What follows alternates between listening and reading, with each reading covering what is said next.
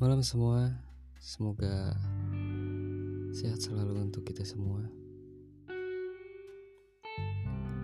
Di sini, aku hanya dapat menyampaikan pesan dan suara kepada kalian para pendengar untuk menemani malam-malam kalian, untuk menemani kesepian kalian dan ku harap kalian menikmatinya dengan ikhlas.